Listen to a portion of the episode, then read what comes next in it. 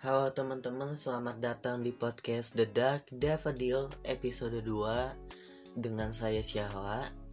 Kali ini judulnya adalah tentang patah. Apakah itu patah tulang? Mana mungkin. Tapi ini adalah tentang patah hati. Setiap manusia yang mempunyai hati Ya, semua manusia pasti punya hati sih. Jadi, semua manusia yang punya hati pasti pernah untuk patah. Entah dipatahkan atau patah tanpa disengaja. Kayak kalimat yang pasti udah nggak asing di telinga teman-teman. Katanya gini, sedih waktu tahu kenyataannya kalau dia yang paling kita sayangi adalah dia yang malah membuat kita kecewa kalau kamu sedang di posisi ini, apa yang bakal kamu rasakan?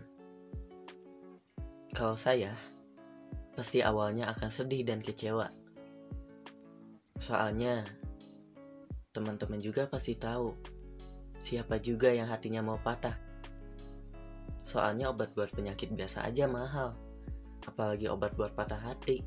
Sangat langka dan susah untuk bisa pulih kembali. Saat kita patah hati, kita butuh penyembuh yang tepat, tapi kadang kita tidak tahu siapa. Kita butuh sebuah tempat, tapi kadang tidak tahu di mana. Bahkan ingin sekali sembuh, tapi jadi takut untuk melangkah. Kalau kata saya, entah itu hubungan kita dengan dia yang istimewa atau dengan keluarga. Kalau tentang sesuatu yang patah, saya yakin mana ada yang bakal siap. Meskipun kita sudah tidak berekspektasi banyak pada sesuatu itu, tapi ya ujungnya bakal tetap sakit teman-teman. Namanya juga patah. Tapi dari sesuatu yang patah itu akan muncul banyak sekali makna hidup. Banyak sekali pelajaran yang kalau kita ambil positifnya nih teman-teman, kita bisa lebih kuat. Saya tahu pasti nggak akan mudah. Karena memang nggak ada permasalahan yang mudah apalagi kalau soal patah semangat dan patah hati. Tapi meskipun begitu, meskipun kita sakit dan kecewa, suatu saat kita akan bisa lebih bijak ketika ada hal yang akan membuat hati kita patah lagi di depan sana.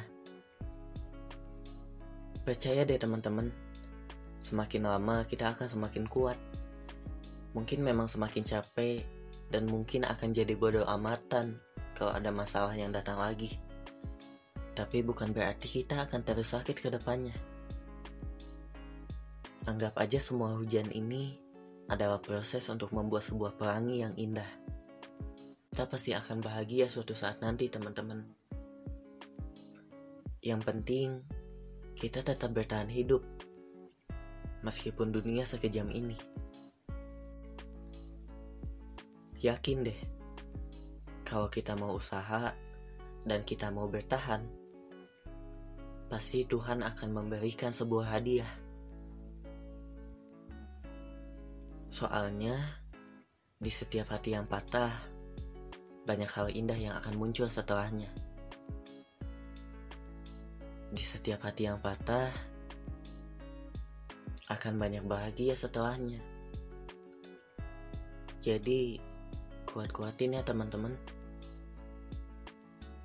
Selama hati kita patah, kita ambil hal positifnya supaya kita bisa bahagia juga seperti dia yang membuat hati kita patah.